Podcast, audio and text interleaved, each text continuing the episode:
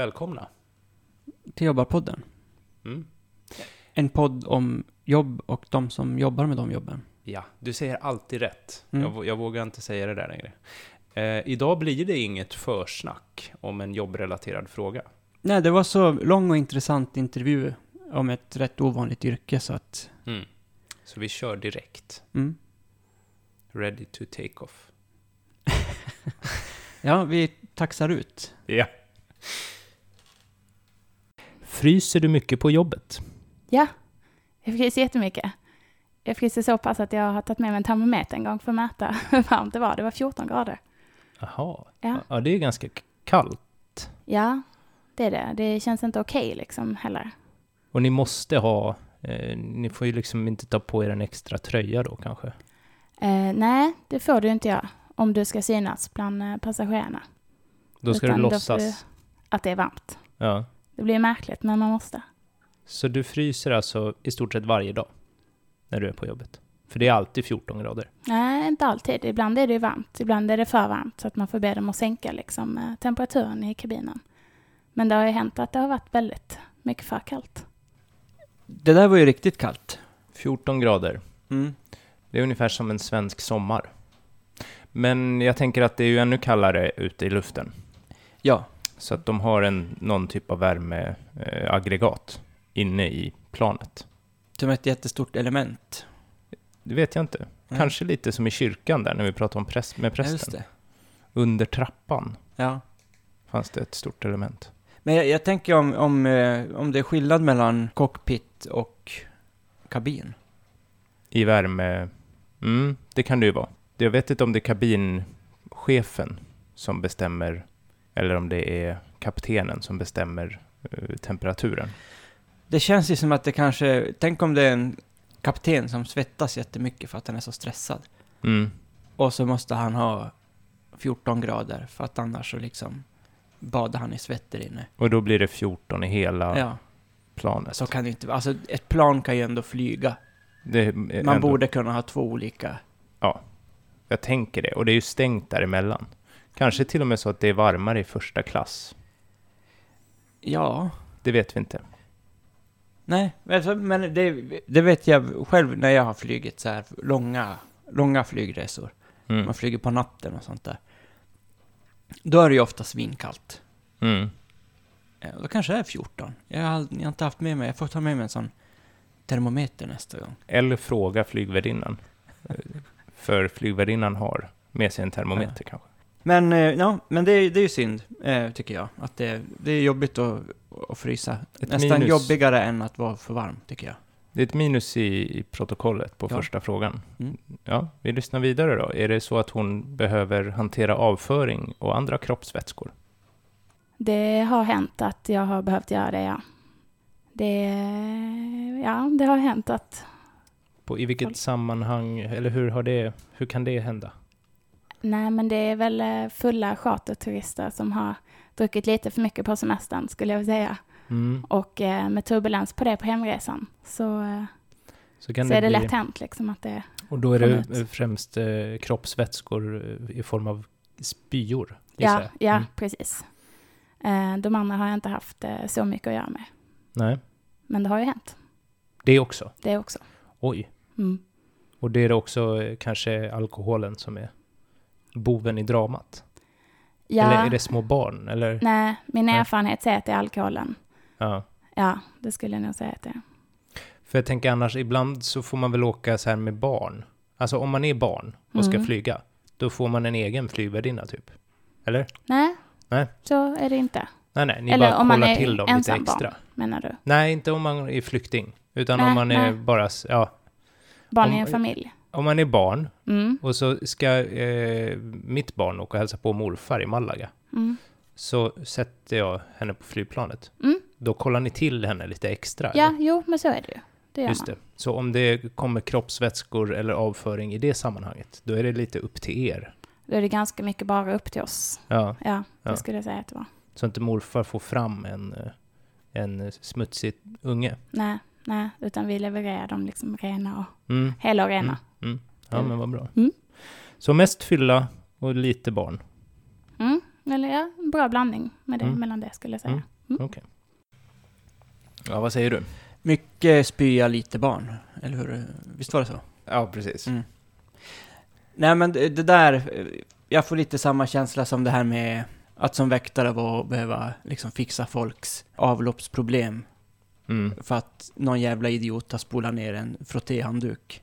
Mm. Att det här det är liksom någon så här fullständigt eh, kräft, rödbränd charterturist som sitter och spyr Ja.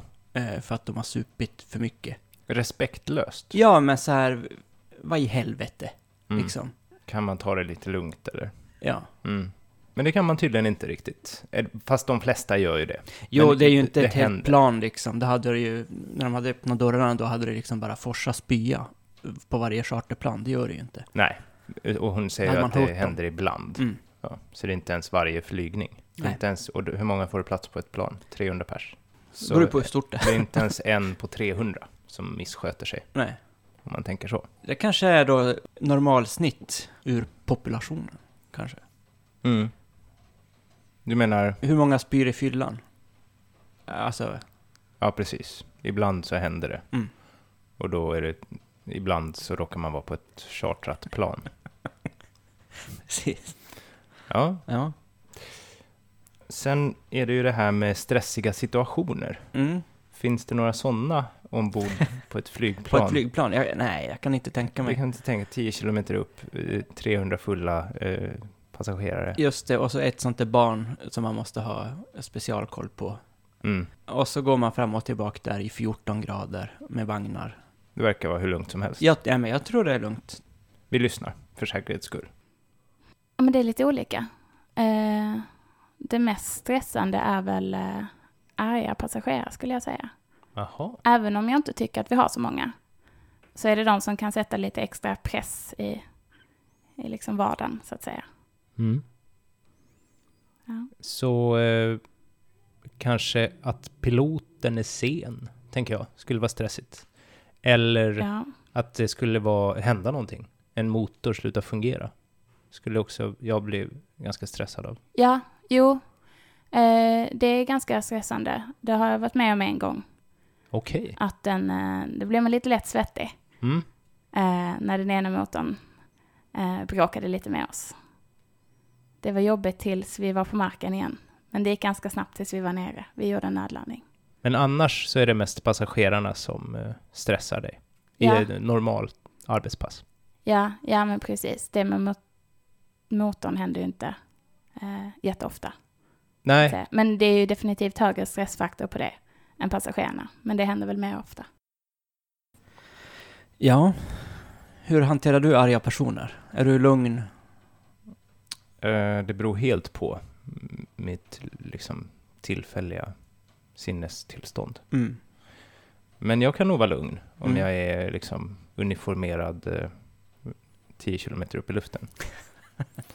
Men det är klart att det är stressande Ja. om folk håller på och svär åt en Ja. när man försöker göra sitt jobb. Än mer stressande om en av två jetmotorer slutar fungera, Och man har en arg passagerare samtidigt. som vill ha mer whisky. Trots att det liksom... Eh, liksom spaghetti bolognesen bara rinner ner för hawaiiskjortan. Ja, Ja. ja det, det hade blivit stress, stressigt. ja, Nej men det, det jag tänker alltså, flygolyckor och sånt där, det händer ju ändå rätt sällan. mm. Med tanke på hur jävla mycket det flygs. Ja. Så. Jag skulle nog tycka att också att det är väldigt stressigt med just arga passagerare och sådär. Mm. Det är sånt där, jag blir ju livrädd direkt man gör någonting som folk blir upprörda för. Alltså så här, du vet. Jag hade tyckt att det var jättejobbigt att rå- råka köra in i någon bil till exempel och så kliver ut någon sån här eh, ärkeskåning som bara har kört bil sedan han var fyra år gammal och bara Vad i helvete, ja du. Och sånt. Mm, alltså det, mm, jag hade liksom mm. bara... Ja, Flippat. Ja, eller Men- flippat. Jag hade liksom bara, okej, okej, du, du, vi, vi, hur ska vi göra nu? Hur mycket pengar ska du ha? Allt sånt, alltså jag vet inte, jag hade bara Mm, så. just det. tänkt. Mm. Men, Ja, precis. Men det här är ju ändå ett... Eh, man måste ju ändå känna sig ganska säker, tänker jag, som flygvärdinna. Det är inte så att någon Det är ingen som är beväpnad till exempel. Det vet man ju. På planen? Nej, förhopp- det ska ju inte vara det i alla fall. De har ju kollat det rätt noga. Mm. Inte ens barnen. Men eh, jag tänker på, eh, jag brukar tänka när jag flyger, jag är flygrädd. Mm. Jag brukar tänka att det är ungefär 50% chans att jag klarar mig. 50 procent. Ja. Och då sätter du det ändå i ett flygplan. Ja, jag gör det väldigt sällan med tanke på de dåliga oddsen liksom. eh, men Alltså, om du tänker 50 procent, det är ju liksom... Du, du har ju... Jag tycker att vi ska spela rysk roulette, du och jag. För då har du ju ganska stora chanser i det. ja, precis. Ja, men där är det ju eh, större chans. Eh, hon har ju ganska många flygtimmar, eh, vår intervjuade. Ja. Och hon kan ju inte tänka 50%. Det skulle ju vara eh, väldigt knäckande. Ja. Eh, så, så, det, och det, så det, jag tror att den stressfaktorn kan ju sänkas om man liksom, Om man är van. precis. Så om du hade blivit tvingad att jobba som flygvärdinna så hade din flygrädsla minskat antagligen. Förmodligen. Jag tror att vi kommer in på det lite senare. Eh, men eh, det är, jag blir ju rädd liksom så fort hjulen åker upp i sina luckor. Du blir rädd av det? Då hoppar jag till och håller extra hårt i mina barns händer och tänker så här, gode gud, om du finns. Ja, Det är det. Alltså det är på den nivån. okej. Så att jag, jag det är inte min grej. Eh, men det skulle ju vara spännande att bli av med. Eh, så det skulle jag vara stress, det skulle, om jag skulle jobba där och Mm. ha samma känsla varje gång, Ja. så skulle ju det vara en stressfaktor. Som jag förmodligen skulle må dåligt av. Mm. Mm. Nej, jag, jag, jag, respekterar det, kan man säga. Ja, Mm. 50-50. 50-50, ja. Ja. Eh, sen så kommer ju den här uniformsfrågan. Man måste ha uniform. Mm. Nu har vi haft några uniformerade i rad här. Det har vi ju. Och vi misstänker väl att även Flygvärdinnor har uniform. Ja, man tänker ju alltså flygvärdinnor, framförallt piloter. Man tänker, vad ska du, en uniform, om man skulle googla uniformerad människa. Så kommer säkert en pilot upp. Ja, Ja. kanske innan polisen. Ah, Nej, det vet vi inte. nej. Men vi, vi lyssnar vad, vad, vad hon säger. Ja, det måste jag. Jag Mm. hade inte varit godkänd annars. Och eh, vill du berätta lite om uniformen? Hur, vad är det för någonting man ska ha? Ehm, ja, man måste ha, om man börjar nerifrån så ska man ju ha ett par ordentliga svarta skor. De ska gärna vara högklackade. Eller de måste vara högklackade. Men de har inte SAS eh, tagit fram specifikt för Nej, sina flygvärdinnor. Nej. Utan man får ha ett par eh, odefinierade högklackade skor. Ja, sådär. Man får bekosta dem själv, men de måste se ut på ett visst sätt. Mhm. Det måste man. Sen måste man ha strumpbyxor av en viss sort.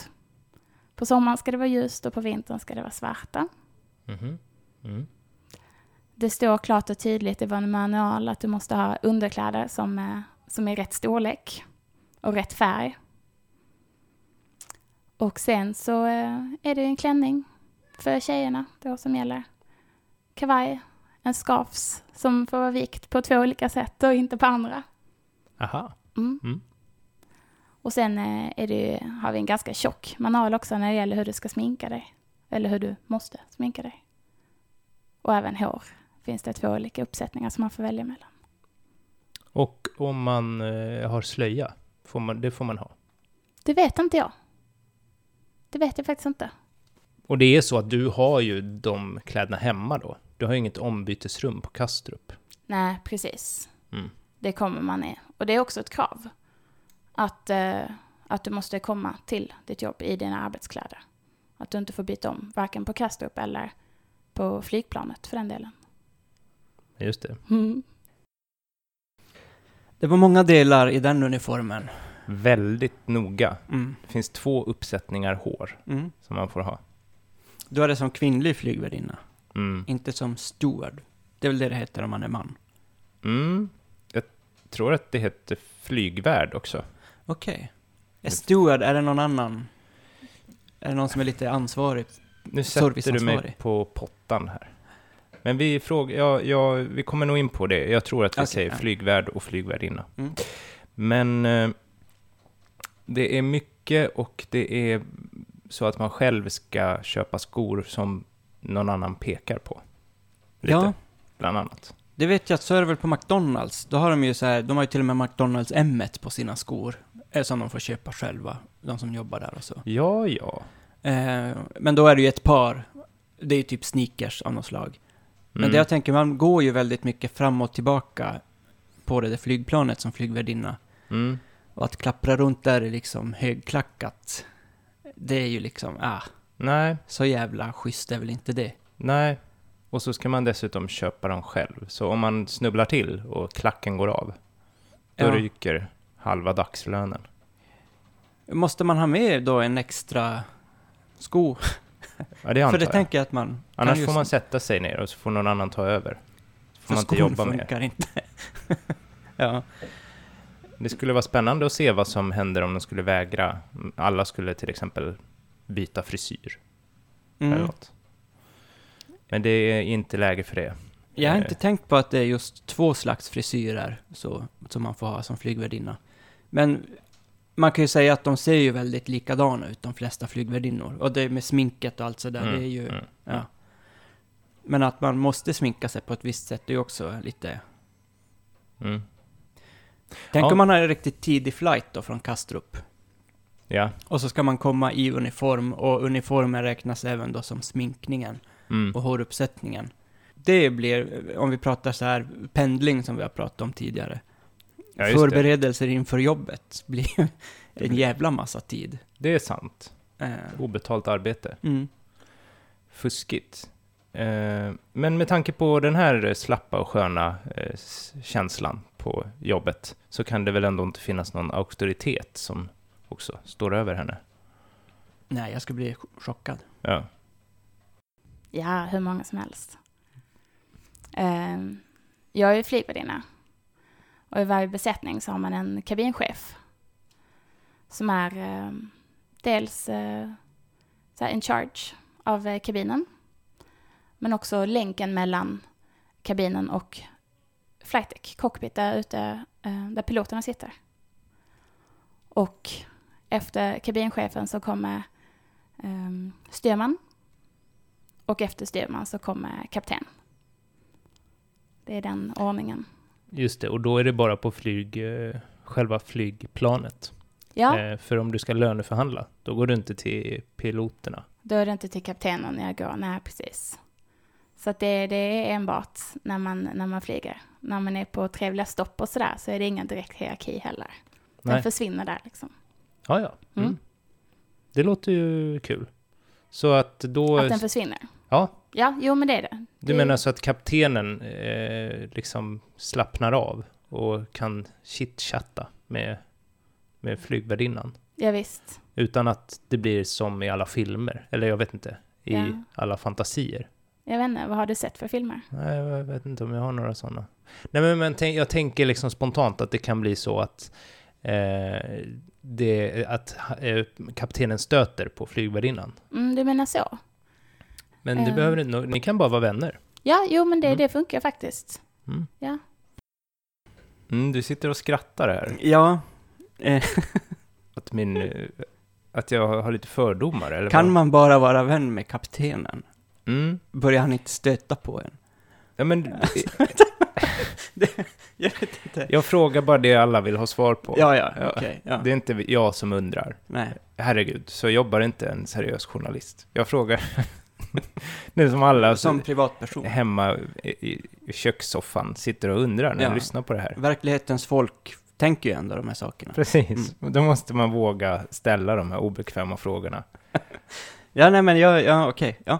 Nej, men det, det var ju, ja, lite på skämt sådär. Men Mm. det är kul att, eh, för hon säger ändå, hon, hon poängterar, det är faktiskt eh, vår intervjuade som börjar med att poängtera att när man är på ett stopp Mm. och kanske sover över i en stad, eh, då är alla vänner. Mm. Eh, då är inte den här auktoriteten så tydlig.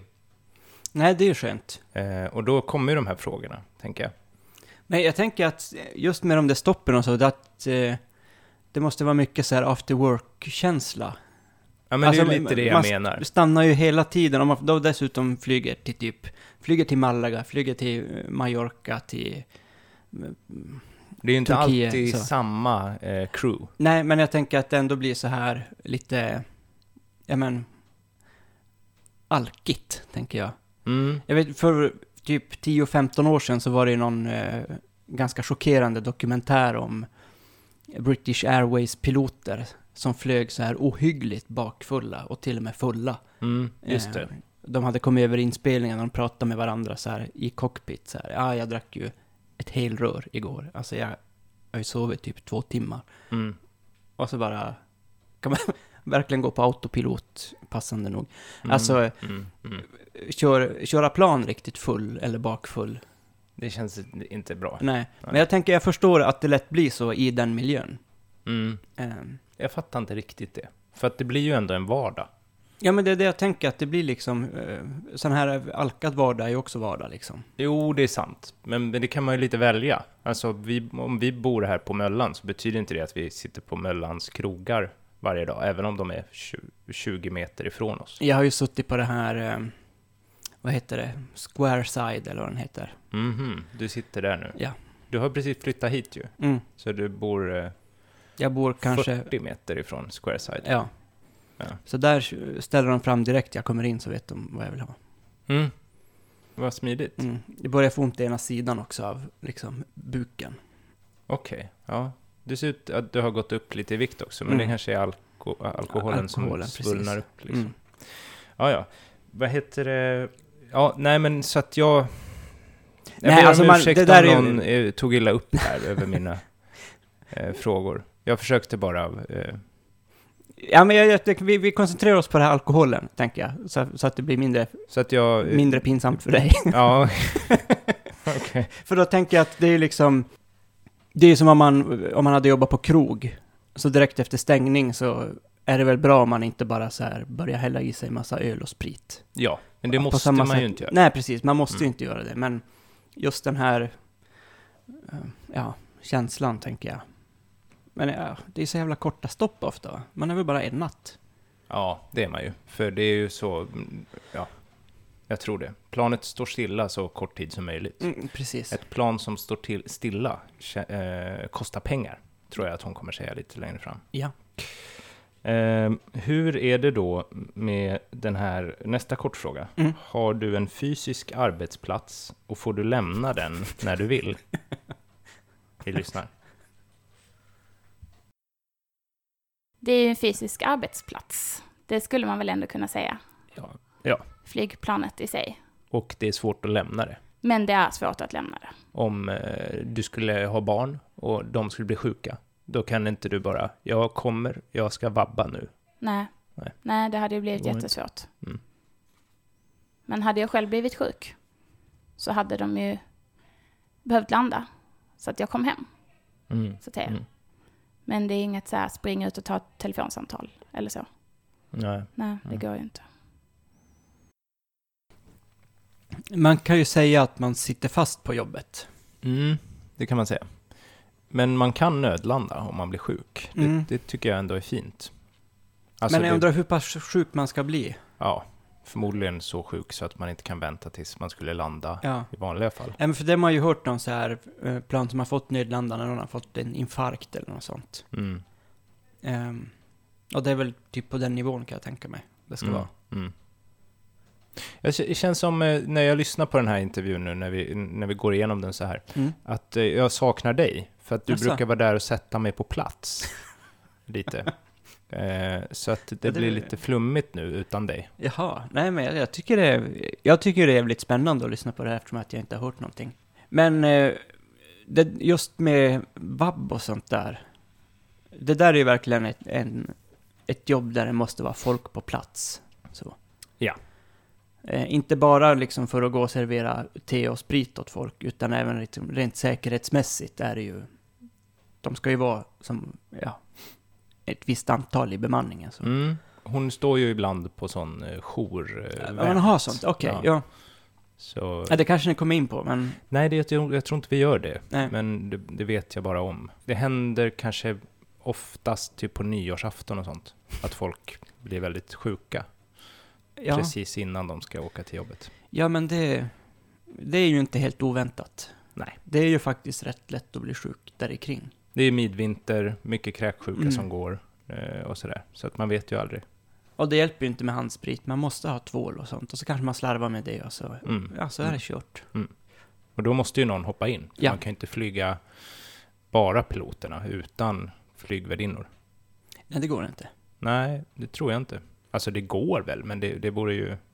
Det kanske inte är det eh, resenärerna förväntar sig. Nej, och så sen tror jag då, i och med att, eh, på samma sätt som att ett tåg inte får köra utan eh, konduktörer och sådär. Mm. Inte för att de ska kolla biljetter, utan för att om det händer något så är det de som har ansvar för att guida folk och allt sånt där. De har ju liksom säkerhetsansvaret där. Ja, vad är, vad är nästa? Nästa är, eh, vill du byta jobb? Och om ja, till vilket då? Nej, jag vill inte byta jobb. Jag vill inte byta jobb för att... För att det är så tryggt det jag har. Jag är ganska schysst ändå liksom. Det, det är roligt. Nej, jag skulle inte vilja byta. Mm. Men skulle du bli, vilja bli kanske sån cabin crew-chef? Eller? Alltså Eh. att du byter jobb inom arbetsplatsen? Eller, eller pilot? Ja, för den delen. Eh, nej, det skulle jag nog inte. Jag tycker det är ganska mycket lagom ansvar att inte vara kabinchef. Mm. Och inte vara pilot heller. Ganska skönt att slippa den biten. Men ändå få ut och flyga. Hon trivs där. Mm. Jättebra. Hon har ändå varit där i några år. Okej. Så att jag är glad för hennes skull. Mm. Det känns som eh, att det är ett jobb som passar henne och att hon, eh, ja, hon vill vara kvar där. Mm. Jag har tänkt på när vi, de andra kortfrågorna, Mm. att, att eh, det är nästan som att vi har skrivit kortfrågorna till det här jobbet. Alltså de är väldigt... Eh, De passar in väldigt bra ja, på det är mycket ja, liksom. Mm. Ja, det är det ju. Vilket- Ja. Vilket skulle betyda att vi absolut inte skulle kunna tänka oss det här jobbet då. Nej, precis. Det jag skulle tänka, eh, om jag får fantisera fritt här innan, eh, innan jag har lyssnat klart på, på alla Mm. frågor och så, är att jag skulle nog kanske tycka att det är jobbigt att ge samma...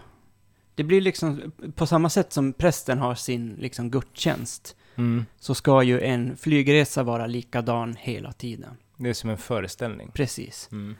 Eh, och att ge det sådär, eh, ska jag nog kanske bli lite trött på. Mm. Ehm, men jag kan ju tänka att det är ju, jag menar, på mitt jobb gör jag ju väldigt mycket samma saker hela tiden. Och rutin är ju ändå, det är något man finner sig i, eller inte finner sig i, sådär. Ehm, men, men just det där, ja men vad ska man säga, man måste ju vara oerhört serviceinriktad. Ja, det är det. Och man- det kanske ni kommer in på, just det att man, man får inte visa att man blir irriterad Nej. på någon som trycker på den där flygvärdinne-knappen 17 gånger på en tre timmars flygning. Nej. Eh, utan man ska komma och vara liksom lika öppen eh, och glad. Mm. Mm. Det skulle jag tycka blir jobbigt. Mm. Bland annat. Plus att jag hela tiden skulle vara, alltså det skulle vara som att spela rysk roulette, roul- roulette med tre eh, kulor i, i eh, den här sex, eh, I, visst är det sex? Ja, det, det, jag tror det finns sån olika. Revolver. Ja. Eh, Men jag tror man brukar ha gång. tre då. Eller en i en, i en sån sexmagasin. Mm, De gånger jag har sett det på precis. film. Men om jag skulle ha tre då? Då är det 50-50. Ja, precis. Och varje gång, Mm. varje morgon. Så- Snurra. Du får ta Tryck. farväl av familjen ordentligt varje gång. Det Ja. är mycket, det, det skulle, då skulle du ha långa förberedelser innan. Du skulle behöva liksom fixa skorna. Man kanske måste liksom, eh, du kanske måste raka dig på något speciellt sätt. Du har ju liksom skäggväxt och så. Mm. Eh, och allt sånt.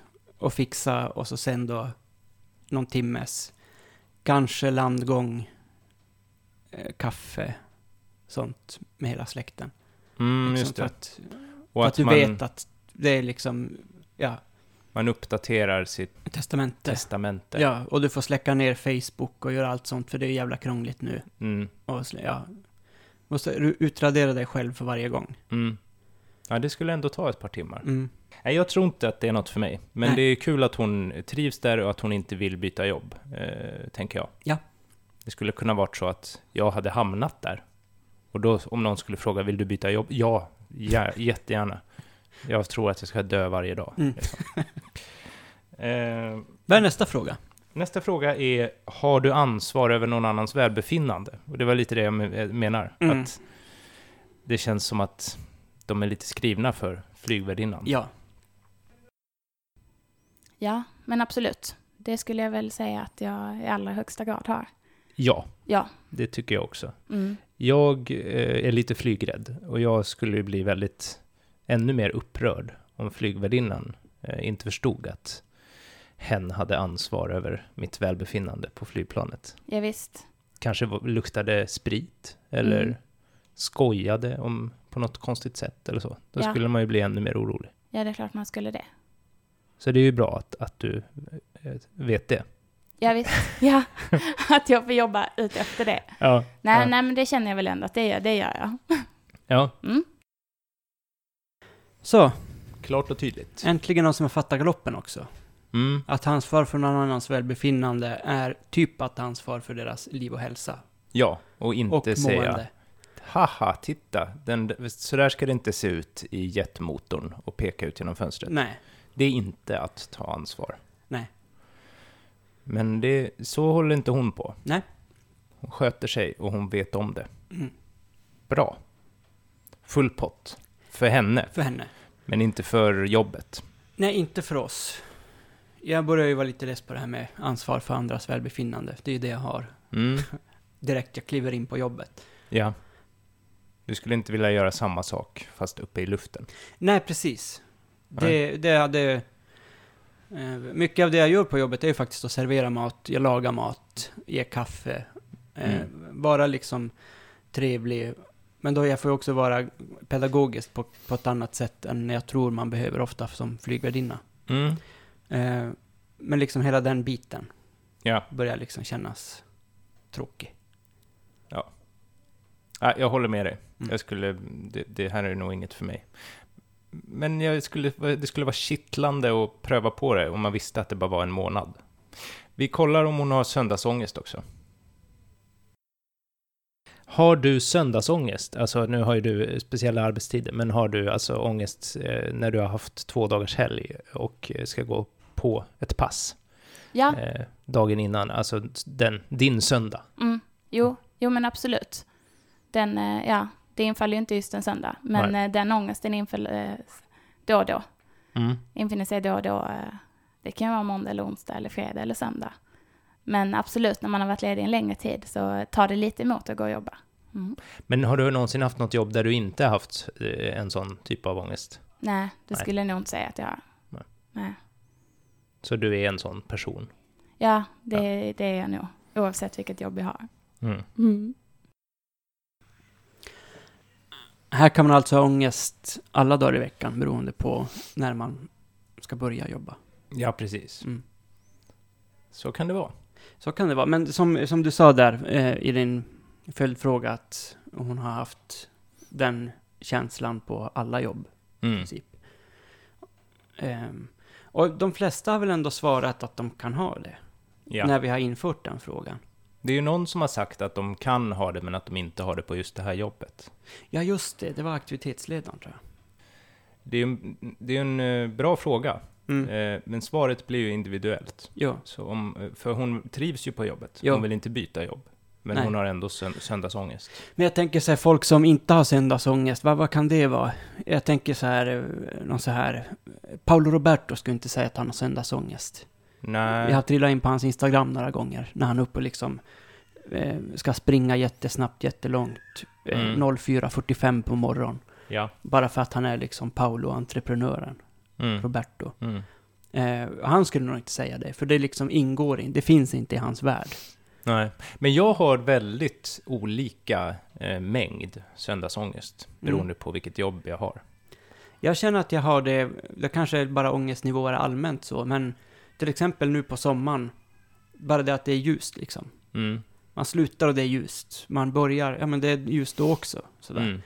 Eh, mycket mindre eh, jobbångest Ja. än, än på vintern. Ja, det är Då det känns som att det enda jag hade velat göra är liksom eh, gå i det. Ja. Ja, fast jag tänker när jag jobbar på Arbetsförmedlingen, då hade, Då jag hade, du- då hade det inte in spelat någon roll, även om det var liksom eh, tropisk värme och... Nej, och en vecka till semestern. Nej. Jag hade ändå haft söndagsångest. Så det är nog, eh, beror nog på, eh, graderna beror på. Men man kan, allt, det, det finns liksom. Det, just ditt arbetsförmedlarjobb ska jag säga, det är nog det bästa jobb någon har blivit av med, alltså för personen. Mm, Och tur att du slapp det, får mm, man ju säga. mm, det, det, det var det. Verkligen. Okej, eh, då var det så att vi gick in lite mer djupt på det här med hur det var att eh, hur könsuppdelningen är på, på eh, hennes arbetsplats. Mm. För att jag funderade lite på om hur vanligt det är med kvinnliga piloter. Jag har aldrig varit med om det faktiskt. Det känns nästan som att det är det jobbet som man minst har varit med om. Kvinnlig pilot. Ja, Ja. alltså Det, det känns liksom väldigt gammeldags på, på just det sättet. Mm. Man, kvinnor och män kan jobba med vad som helst överallt annars i, i samhället. Men inte piloter. Nej. Så vi, vi lyssnar lite vad hon säger. Hur ovanligt är det? Det finns eh, kvinnliga piloter. Jag eh, har inte stött på så många. Men, eh, men nog har vi en del. Men, och du har jobbat med någon? Ja, det har jag. Mm. Jag har jobbat, eh, jag tror en gång eh, under mina sju flygor med en helt kvinnlig besättning. Det betyder att vi hade två kvinnliga piloter med ombord. Och det händer ju inte många gånger. Nej. Har man en så har man tur, eller om man får säga tur. Men Mm. det är skoj. Ja, såklart. Mm.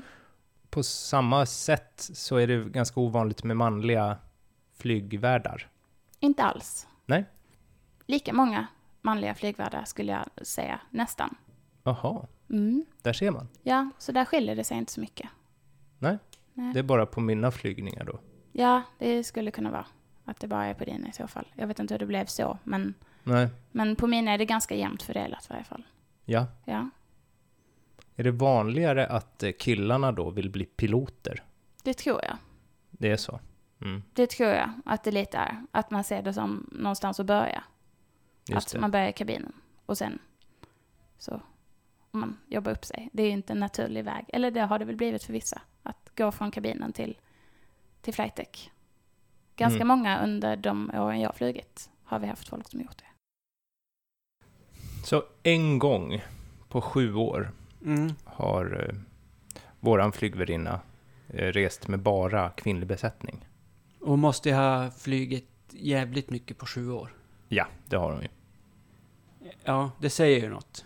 Ja, det känns... Jag satt och funderade här och alltså statsminister Ja. har vi ju inte haft någon Nej. kvinnlig.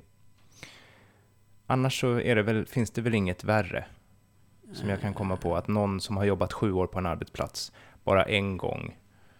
Eh, ja, det beror ju på vad man jobbar såklart. Om Mm. man jobbar i ett litet företag och chefen är man, då är den ju man. Om man är typ alla den enda anställda. Typ. Ja, Ja. Mm. men jag tycker det känns eh, märkligt. Det känns ju jävligt märkligt. Och sen det där att eh, det är ju då, som hon sa, att det ofta är manliga stewards eller ja, i fly, övriga flygbesättningen som sen kommer på, eller kanske redan när de börjar jobba som eh, steward, att de vill bli piloter. Ja, Eh, det, jag, jag tänker lite på med sjuksköterskeutbildningen och så. mm. Ehm, att många så här, ambulansförare är just män. Och framförallt många studenter, manliga studenter på sjuksköterskeutbildningen är så här, men jag ska köra ambulans. just det. För det är så här fartfyllt och häftigt och sådär. Man får köra jättesnabbt. Ja, man får köra hur jävla snabbt man vill, nästan. Nästan som ett flygplan. Ja, Nästan lika snabbt. mm. Ja, så att jag, jag, det är ju, här får man ju säga att det är jävligt stereotypt då. väldigt. Ja. Ja. Det är konstigt för hela den miljön är ju det då. Det sitter män och kör. Mm. Kvinnorna måste ha eh, vissa kläder. Måste och vissa ha smink. håruppsättningar och Måste smink. ha visst smink. Ja. Ja. Och eh, kvinnorna ska ta hand om passagerarna. Mm. Väldigt eh, liksom gammeldags miljö. Ja, alltså det, det är lite så här eh, som en gammal sån här tecknad eh, 40-talsreklam. ja, Ett sån där sida när det sitter en... Eh, eller jag har sett något så här för pipskåp eller någonting.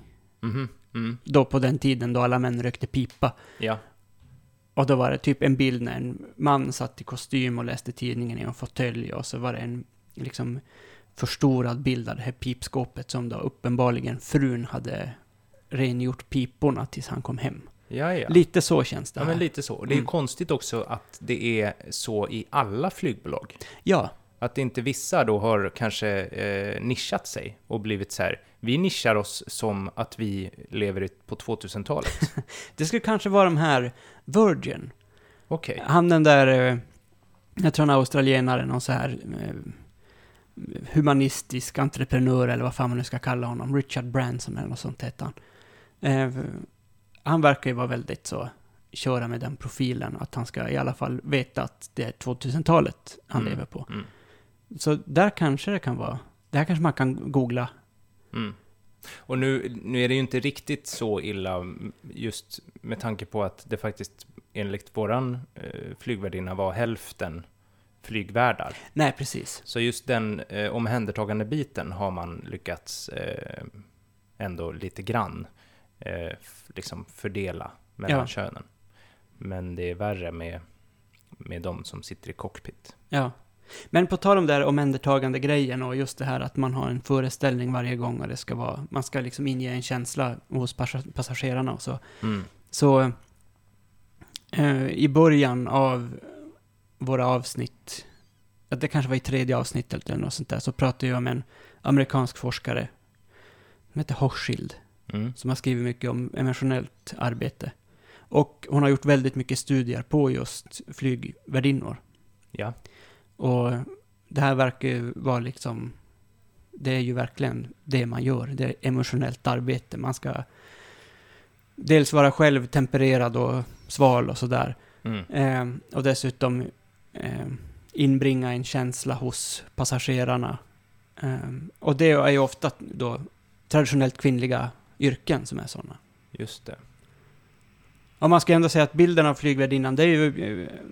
Jag blir lite förvånad om det, att det är hälften män i den övriga flygplansbesättningen. du så- blev också det. Ja. Det var inte bara jag som eh, hade någon konstig bild av det. Nej, Ja, ja. Mm. Ska vi lyssna vidare? Vad, vad vi babblar mer om? vi gör det. Mm. Eh, vad irriterar du dig på hos eh, passagerarna? Oj, det var en svår fråga. Ehm. Nej, men det, det är väl lite så här, eh, som vi pratade om innan, att eh, deras välbefinnande är mitt ansvar. Men att jag ska må bra är också deras ansvar, ser jag det som. Och kommer en passagerare ombord som, som beter sig illa eller bara inte är trevliga, så tar det ju lite ens energi. Det fungerar ju så som på jobb, som också privat. Att människor som gör det tycker man i regel inte om. Eh, Så det, det är någonting som irriterar mig. När man, när man har kommit med nya friska tag och så kanske det skulle vara någon sur passagerare som inte riktigt ger så mycket så att säga. Mm. Mm.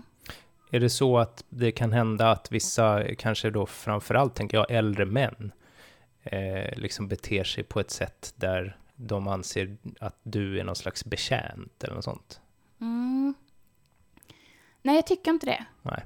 Eh, det händer säkert. Men eh, jag har inte upplevt det, skulle jag vilja säga.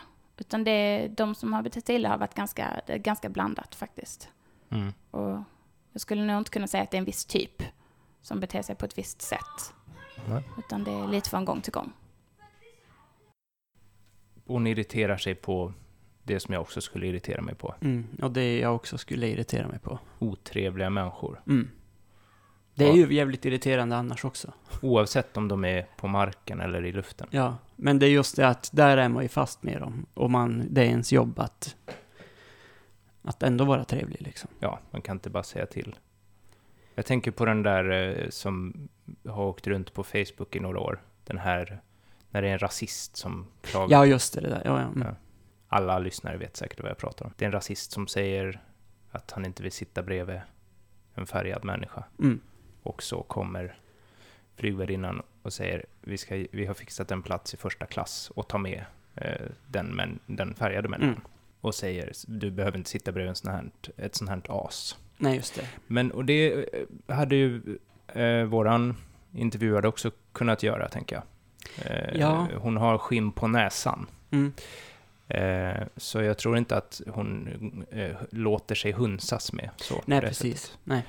Eh, men det, jag fattar att hon blir irriterad och man kan ju inte göra vad som helst. Man kan ju inte smocka till folk. Eh, och oftast så säger de väl inga sådana grova övertramp, utan de är väl bara lite så här dryga. Precis. Mm. Men sen var det en, eh, en fråga som jag hade liksom vidarebefordrat till dig. Vilket var det? Om det är jobbigt liksom att vara... Glad och check. Precis. Ja, alltså det tänker jag att det är bilden eh, som många har utav flygvärdinnor, att man går runt och är glad och tillmötesgående eh, och gärna med ett stort leende på läpparna.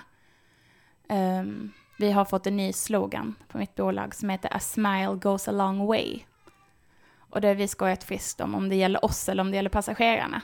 För det hade gett oss himla mycket ifall alla passagerare började le mot oss. Ehm, men, eh, men jag skulle nog säga, nej det kommer sig ganska naturligt. I varje fall för mig.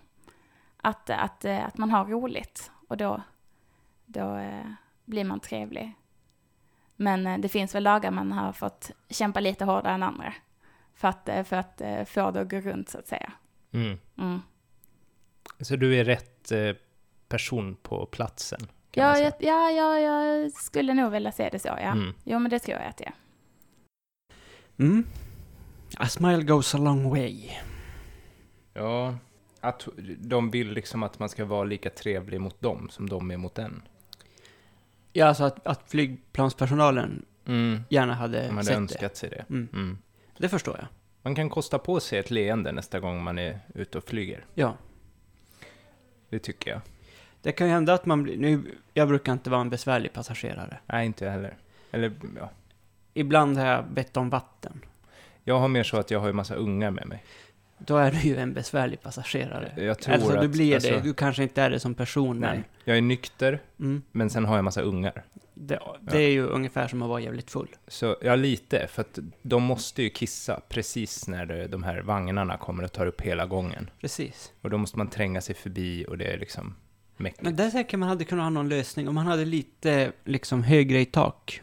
En liten ramp över. Ja, liksom som en sån här travers som man hade kunnat skjutsa ner Ja, just det. pisstinna ungar ner till toaletterna. Ja. Eller bara som en sån där får-övergång. Man går in i fårhagen. Ja. Sån. Som liksom gick över vagnen. Ja, just det. Så flygvärdinnan gick inne i en liten trappa liksom. Mm. Så man kunde gå klättra över. Då hade de nog varit... Då hade de nog ogillat passagerarna mer. Mm. För Och- tänk vilket jävla spring det hade varit över den där trappan. Ja. Rena såhär bockarna bruse. Absolut. Och det kanske hade varit bra att vara kort som Ja. flygvärdinna. Om man ska ha en trappa ovanför sig. Ja. Jag tänker alltså, om man pratar rent karriärsmässigt. Jag är ju kort nog för att bli sån här stridspilot. Mhm. Mm. För då ska man inte vara så jävla lång. Nej. Men då har jag ju synfel.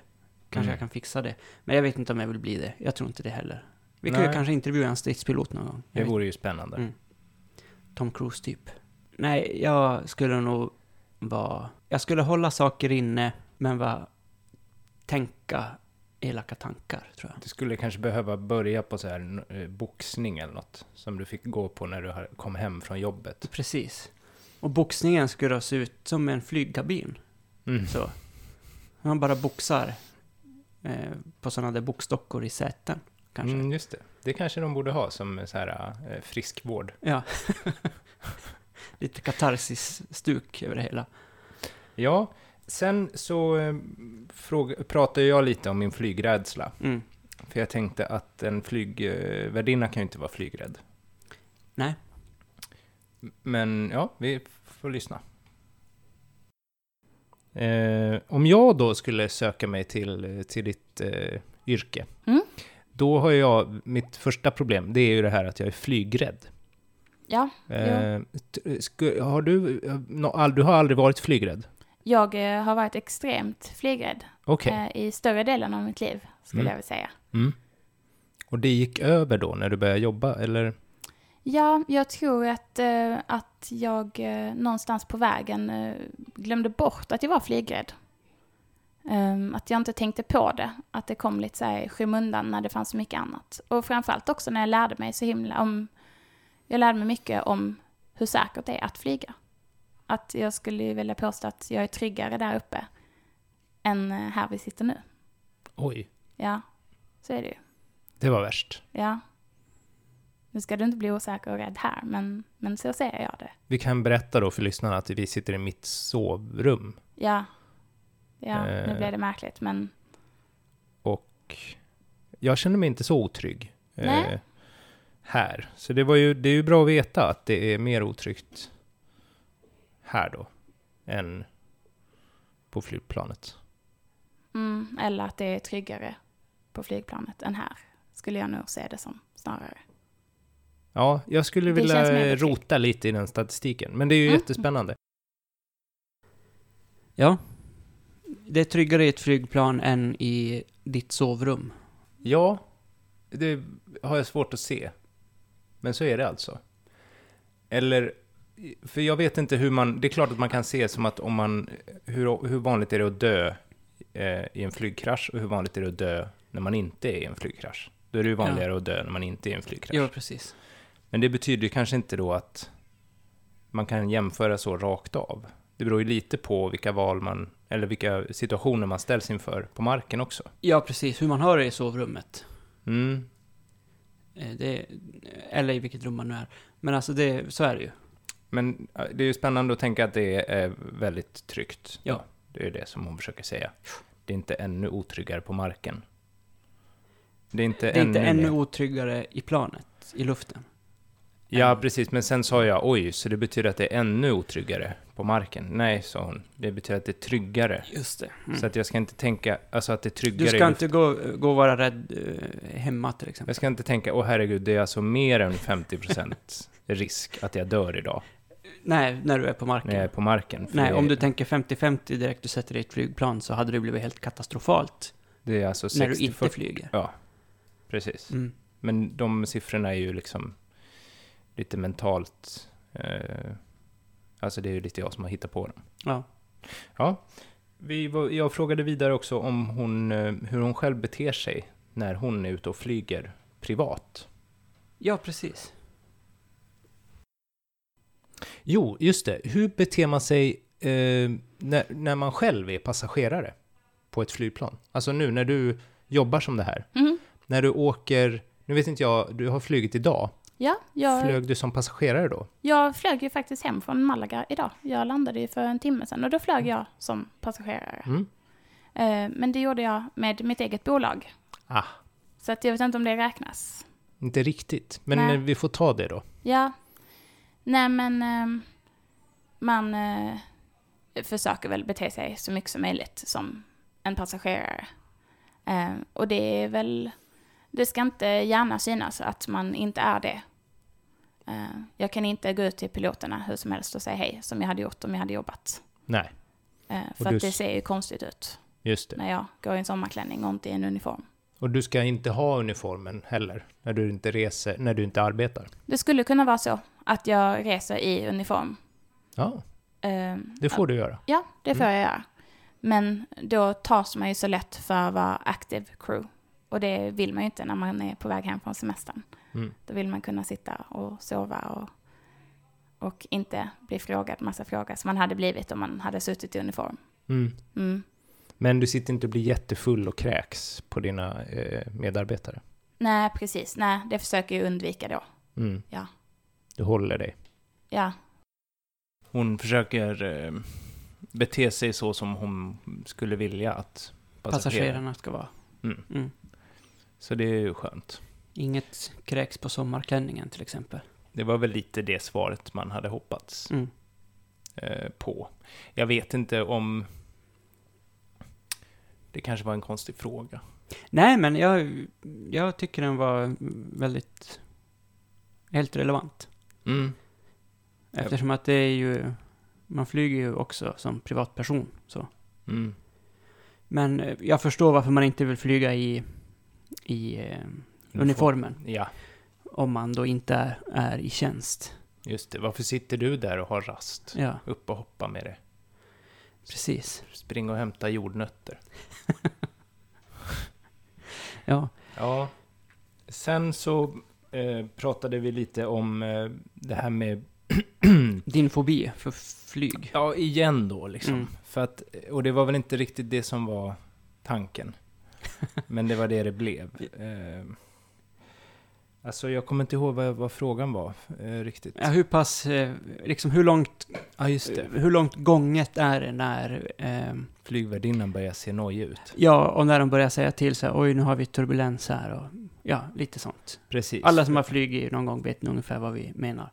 Ja. Hur pass livrädd ska man vara? Och vi kommer även få svar på hur pass livrädd Magnus är Mm.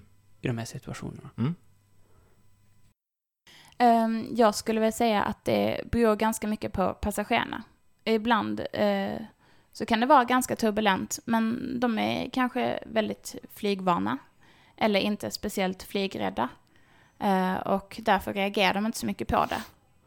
Och då fortsätter vi eh, och kör på som vanligt. Men det märker man att, att folk reagerar så brukar vi ofta göra en liten annonsering. Eh, berätta för dem vad det är, varför vi har turbulens och sådär. Eh, för att lugna lite. Mm. Och eh, sen ganska ofta när det kommer turbulens, även om det inte är så mycket, så slår kapten på skylten med säkerhetsbältet. Ja, och då blir man ju extremt orolig. Är det så? Ja. Ja. Nej, men det, det ska vi inte bli. Utan det är ju bättre att han gör det än att han inte gör det, skulle jag säga. Mm. Mm. Att han är vaken och medveten om att det faktiskt är turbulens och att han ber spänna fast säkerhetsbältena. Ja, jag förstår. Mm. För det är ju lite både och liksom. Dels är det ju så att man som passagerare tänker, ja men det verkar, hon ser ju helt vanlig ut, så det här är ju inget. Mm. Eh, men sen tänker man också, ja men vad fan, de kommer se helt vanliga ut ända tills vi eh, går i backen liksom. Ja, Så det är väl lite dubbelt där att veta hur man ska avläsa. För man tänker ju, vi, eh, man som passagerare vet ju att ni har så mycket flygvana. mm. Så man kollar ju på er. Mm. jo men så är det ju. Och det är vi väl medvetna om också. Så att du har ju en poäng i det du säger att, att man kan åtminstone försöka se ganska mycket likadan ut eh, hela tiden. Mm. Eh, det är någonting som jag skulle säga att jag själv jobbar ganska hårt med att, att försöka hålla det lugnet. Även om man själv kan tycka det är lite obehagligt, för det gör man från gång till gång. Mm. Alltså jag har varit med om att fötterna lyfter från marken, eh, Okej. Mm. eller från golvet. Mhm. Men eh, Och du berättade också att det var en motor som hade gått sönder en gång. ja, ja den hade, det har varit problem med den. Det Ja. hade det varit. Hur var det då? Ehm, då var vi faktiskt eh, bakom ett eh, skynke. Och det var lite för passagerarnas skull, att de inte skulle se eh, när vi eh, pratade med piloten om vad det var som hände. Men så fort vi visste vad det var så, eh, så gick vi ut och liksom körde på som vanligt. Vi, vi var ju tvungna att nödlanda. Mm. Men, eh, men eh, det är liksom inte så allvarligt eh, när något sånt händer. Det kan tros eh, vara det. Mm. Ehm, så att, men, men det är det inte, så att säga. Ja, där hör du Magnus. Det är inte så jävla farligt. Nej, jag tror den inte. Hon försöker bara sälja flygbiljetter. Hon är betald av flygbolaget. Ja.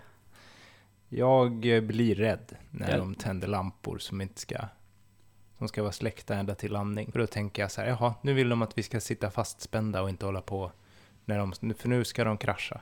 Men så är det faktiskt med mig när jag flyger, att jag brukar ofta ha den på, om jag inte ska gå på toan, Mm. så har jag på det bältet. Ja, det är inte alls det. Jag har inte alls problem med att ha på bältet. Nej. Utan det är det att de säger åt mig. Det är någonting ovanligt. Mm. I vanliga fall måste man inte ha bältet. Nu måste man det, alltså går det åt helvete. Okej, ja, ja. Ja. Mm. Det är det. Men eh, just det där med bälten tycker jag är rätt kul, för det var för något år sedan den här jävla pajasen som är VD för Ryanair. Mhm. Han hade uttalat sig och tyckte att ja, men man kan ju ta bort bältena. För när man väl kraschar så kommer alla dö ändå. Just det. Och så är det väl ganska mycket. Mm. Alltså att eh, nosen rätt ner, då är det liksom kört. Ja, det känns lite som någon sån här Seinfeld-fundering. Ja, jo precis. Ja. Han, han, han kvalar nog in i det gänget tror jag. Okej. Ja. Med människosyn och sånt i övrigt. Men ja, nej men det, det är lite hemskt att tänka på flygkrascher tycker jag. Du frågar ju henne kring lite grejer sådär. Mm. Eh, eh, kring just de här katastrofgrejerna. Mm. Och eh, eh, vad var det hon sa? Att hon hade sett ganska många Hon gillar att kolla på sådana filmer. Ja. eh, Där de liksom utreder kraschar. Mm. Ja. Jag brukar gilla när eh, flygvärdinnor är så här i övre medelåldern kanske. För det betyder Okej. att de har jobb... Då tänker jag, De men då har de klarat sig. jobbat där länge. Precis. Eh, så det kan Så det bästa är någon som är liksom sista dagen innan pension. Ja, precis. Eh, jag hittade en annons Mm. som vi gick igenom. Eh, det är vissa krav som ställs på eh, en blivande flygvärd eller flygvärdinna. Okej. Så eh, jag passade på att höra med henne om de kraven. Vi lyssnar. Eh, kabinpersonal till NextJet. Right. Grundkrav. Minimiålder 21 år. B-körkort. Har du B-körkort? Nej, jag har inte körkort. Längd 160 till 177. Ja, det är småplan de flyger i så fall. Okej. Ja. För det är ganska kort. Du är hund... Ja, du kanske går inom det Ja, spannet. jo men det Mm. gör jag. Gymnasiekompetens. Behärska engelska och svenska i tal och skrift. Eh, förståelse i de skandinaviska språken. Fullgod hälsa och fysik. Ja, det är så det heter. Flygmedicinsk undersökning kommer att genomföras. Mm. Flygmedicinsk undersökning. Ja, Aha. Det är ett, eh, det heter Medical Class 2 Certificate. Som är eh, ett intyg som du måste få av läkaren. Där de eh, kontrollerar allt med din kropp för att se till att det, det står rätt till och att du inte plötsligt skulle, skulle kunna drabbas av olika sjukdomar och sådär. Mhm. Eh, Mm. Och utan ett sånt så, så får man inte flyga. Sen är det då syn plus minus 0,7. Simkunnighet minst 200 meter. Ja, Undrar jag lite. Ja, det diskuterade vi senast idag. Det var faktiskt en tjej som inte klarade av det och Jaha. inte fick jobb. Men jag vet inte hur mycket det eh, hjälper dig som flygvärdinna. Speciellt Nej. inte om du landar i Medelhavet. Nej. Nej. Då är det kanske, om man ska ha kravet, då kanske det ska vara minst två kilometer i alla fall. Ja, minst. Eller 20 kilometer Ja, något. med kläder. ja visst. Så och den, högklackade skor. just det, Ja. De kanske man kan kränga sig ur. Mm. Inga synliga tatueringar eller piercings i uniform i kortärmad skjorta. Ja, Det visste jag inte. nej, men så är det. Så jag har en eh, tatuering på min arm. Ja. Det går inte. Nej, eh, det, Jag kan inte bli flygvärd. om du inte sminkar över den, det skulle du kunna göra. Okej, Du skulle också kunna sätta ett eh, bandage över det. Det är det många som löser det på det sättet. det får man göra. Ja, det Så får man man. ser skadad ut. Ja, hellre skadad än tatuerad, Mm. tydligen. Okej, Mm. så då är det inte kört där. Nej, nej, men du har fortfarande en chans. Det skulle jag säga. Mm. Mm. Erfarenhet från en servicebransch eller sjukvård. Tidigare flygerfarenhet är meriterande. Eh, utdrag ur belastningsregistret. Mm. Eh, så man får inte ha snott en bil när man var 18. Det står ju att man ska ha utdrag ur det, inte att Ja. det ska vara fläckfritt. Nej, nej. Men, eh, men eh, jag vet faktiskt inte hur noga de är med det. Har du några bilstölder i bagaget så? Nej, det har jag inte. Eh, så att det är lugnt för mig. Jag har Mm. ingenting i registret. Jag behöver inte gå in på vad jag har gjort. Jag behöver bara gå in på vad jag har i registret. För vad du inte har i registret? Ja, just det. Ja. Och det är samma. Vad som inte har fastnat? Precis. Ja, ja. Nej, jag, jag har också eh, ett relativt så... Blanka papper. Mm. Jag vet inte, får man reda på om man... Alltså jag har ju fått göra sådana utdrag till olika jobb. Mm. Och jag har ju fått de jobben. Så då borde jag ju i alla fall...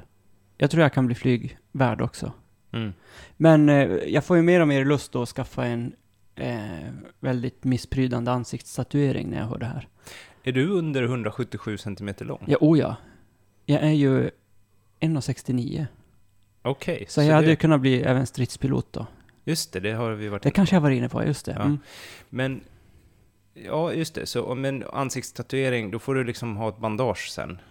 I ansikt, eller rånarluva på det. Piratlapp kanske om jag tatuerar kring ögat. Ja. Nej men framförallt för att eh, det hade varit eh, skönt då att typ slippa, mina absolut sådana här värsta jobb jag kan tänka mig, det är att sitta i en kassa. Mm. Eh, för jag skulle tycka att det var jättestressande och jag skulle tycka att det här också var jättestressande. Ja. Så då hade det varit bra att liksom rent fysiskt vara liksom, ja, Mm. fel. Så att det inte går. Precis. Ja. Jag undrar, det här med simningen. Mm. Jag gissar att både du och jag skulle klara simprovet. För det är ju inte på tid.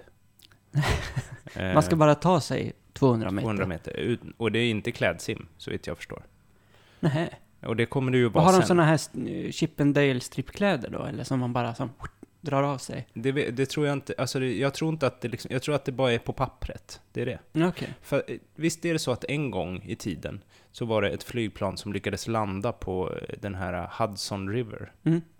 Ehm, då kanske 200 meter hade räckt Mm. att simma.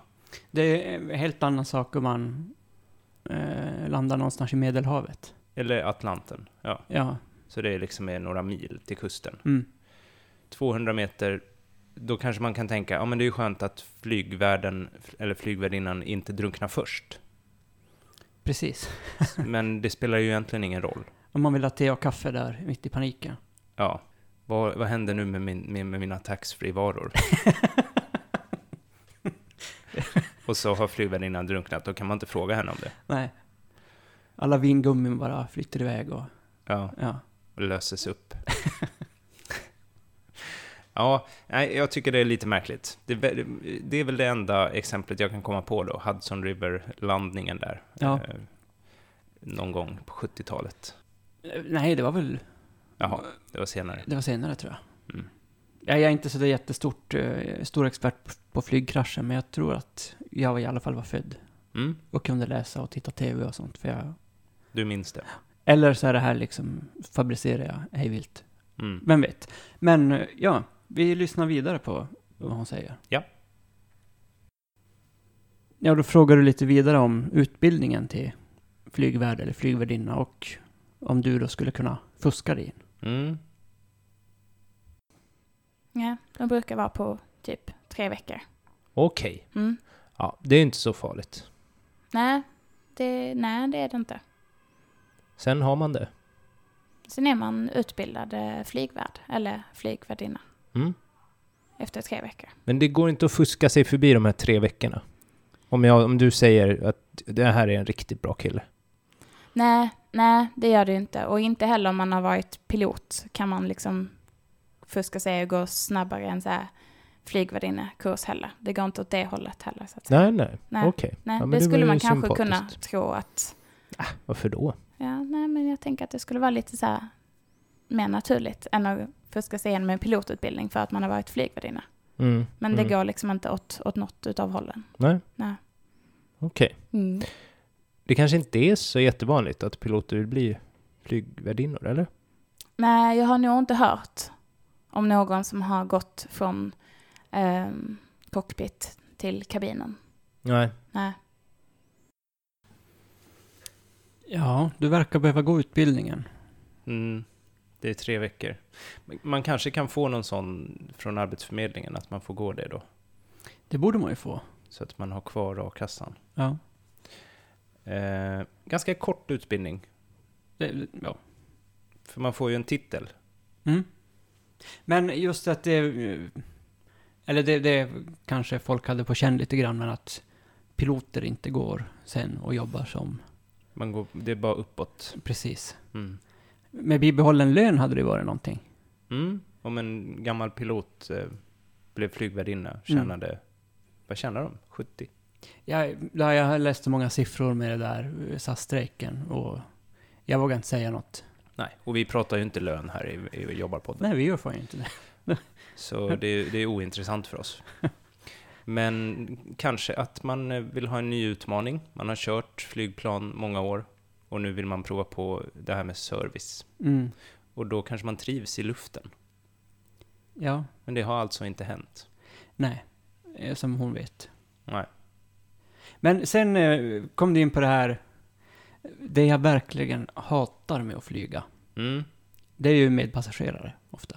Ja, du gillar inte att du skulle vilja åka själv? Helt själv hade jag velat åka. Hade jag haft råd hade jag alltid flugit eh, så här, första klass, vilket jag aldrig har gjort. Eh, bara för att ha så lite med andra att göra som möjligt.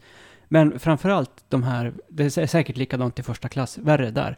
Men de här idioterna som direkt planen liksom nuddar asfalt, Mm. så ställer de sig upp och tänker nu ska den här viktiga jäveln ut. Det där alltså, Mm. Och så får man stå där. Mm. Ja, vi frågar, vi pratar lite om det. Nej, vi är ju ganska skyddade från det. Ja. Eh, speciellt när man är längst bak. Eh, när man är längst fram så blir man lite så här nedkörd kanske. När de står ute i gallet som är köket Där framme. Mm, de går fram dit då. och ja. vill ut. Liksom. Just det. Men eh, nej, jag har heller aldrig riktigt förstått det här med att ställa sig upp så fort skylten har gått av. Eller för den delen innan skylten har släckts. Ja. Med säkerhetsbältsymbolen. Mm. Eh, det är ju bara dumt. Du kan ju ramla om man inte har kört klart och sådär. Skada dig. Mm. Och då är det ju ditt eget fel så att säga. Just det. Mm, där tar ansvaret slut från vår sida så att säga. För då är lampan tänd. För då är lampan tänd. lampan är tänd. Mm. Inget ansvar från flygbolaget. Nej, där hör ni alla stressade personer som ska upp och gräva fram sin kabinväska. Ja, jag får för mig att, eller får för mig, det är lite så empiri också bakom det här, men att det mest är så viktiga typer som bara reser med en portfölj. Som bara säger, jag ska ju till Arlanda Express. För att jag tänker så här lite, nu är ju inte jag alls, nu är jag en väldigt ovan flygare. Ja, ja. Eh, det har vi förstått. Ja. Eh, och vi förstår också en del av anledningen. Eftersom jag är så rädd hela tiden. Mm. Men eh, de som gör så här, då tänker jag så här, är de ännu mer ovana? Fattar inte de hur lång tid det kommer ta innan vi faktiskt får lämna planet? Nej, men jag tror det är såna här väldigt vana som är så att de bara Men- åker på olika såna här jobbresor och kutar runt och det är snabba puckar, bla bla. För de tjänar kanske 30 sekunder då på att stå upp Mm. eh, och eh, höja alla andras puls i flygplanet Mm. i en kvart. Din framför allt. Och din. För du, Ja, alltså det är, det är, ja, det är det värsta jag vet det där. Det Mm. är, fy fan. Och jag tänker att eh, piloter hade ju då kunnat göra som folk ibland gör när man kör bil. Eller när folk kör bil. Om det är någon Mm. som ligger så här för nära bakom så liksom markeringsbromsar man lite. Mm, Det hade piloter kunnat börja göra. mm. Lampan var tänd. Det blir så här... Eh, Att de Ja, fäller ner landningshjulen, eller fäller upp dem igen. Bam! nej, jag tänker att man så här bara bromsar lite hårt och så flyger alla de här eh, kostymnissarna rakt genom kabinen. Mm. Mm. Ja, men det är väl ett tips. till Då står man bara en gång. Sen kanske man inte står så mycket mer, i och för sig. Men lampan var tänd. Ja. Ja, så pratade jag lite om hur en vanlig arbetsdag ser ut för en eh, flygvärd eller flygvärdinna. Eh, Om det är så att man flyger till Madrid till exempel, sitter där i sju timmar och väntar på ett plan hem. Men eh, så är det inte.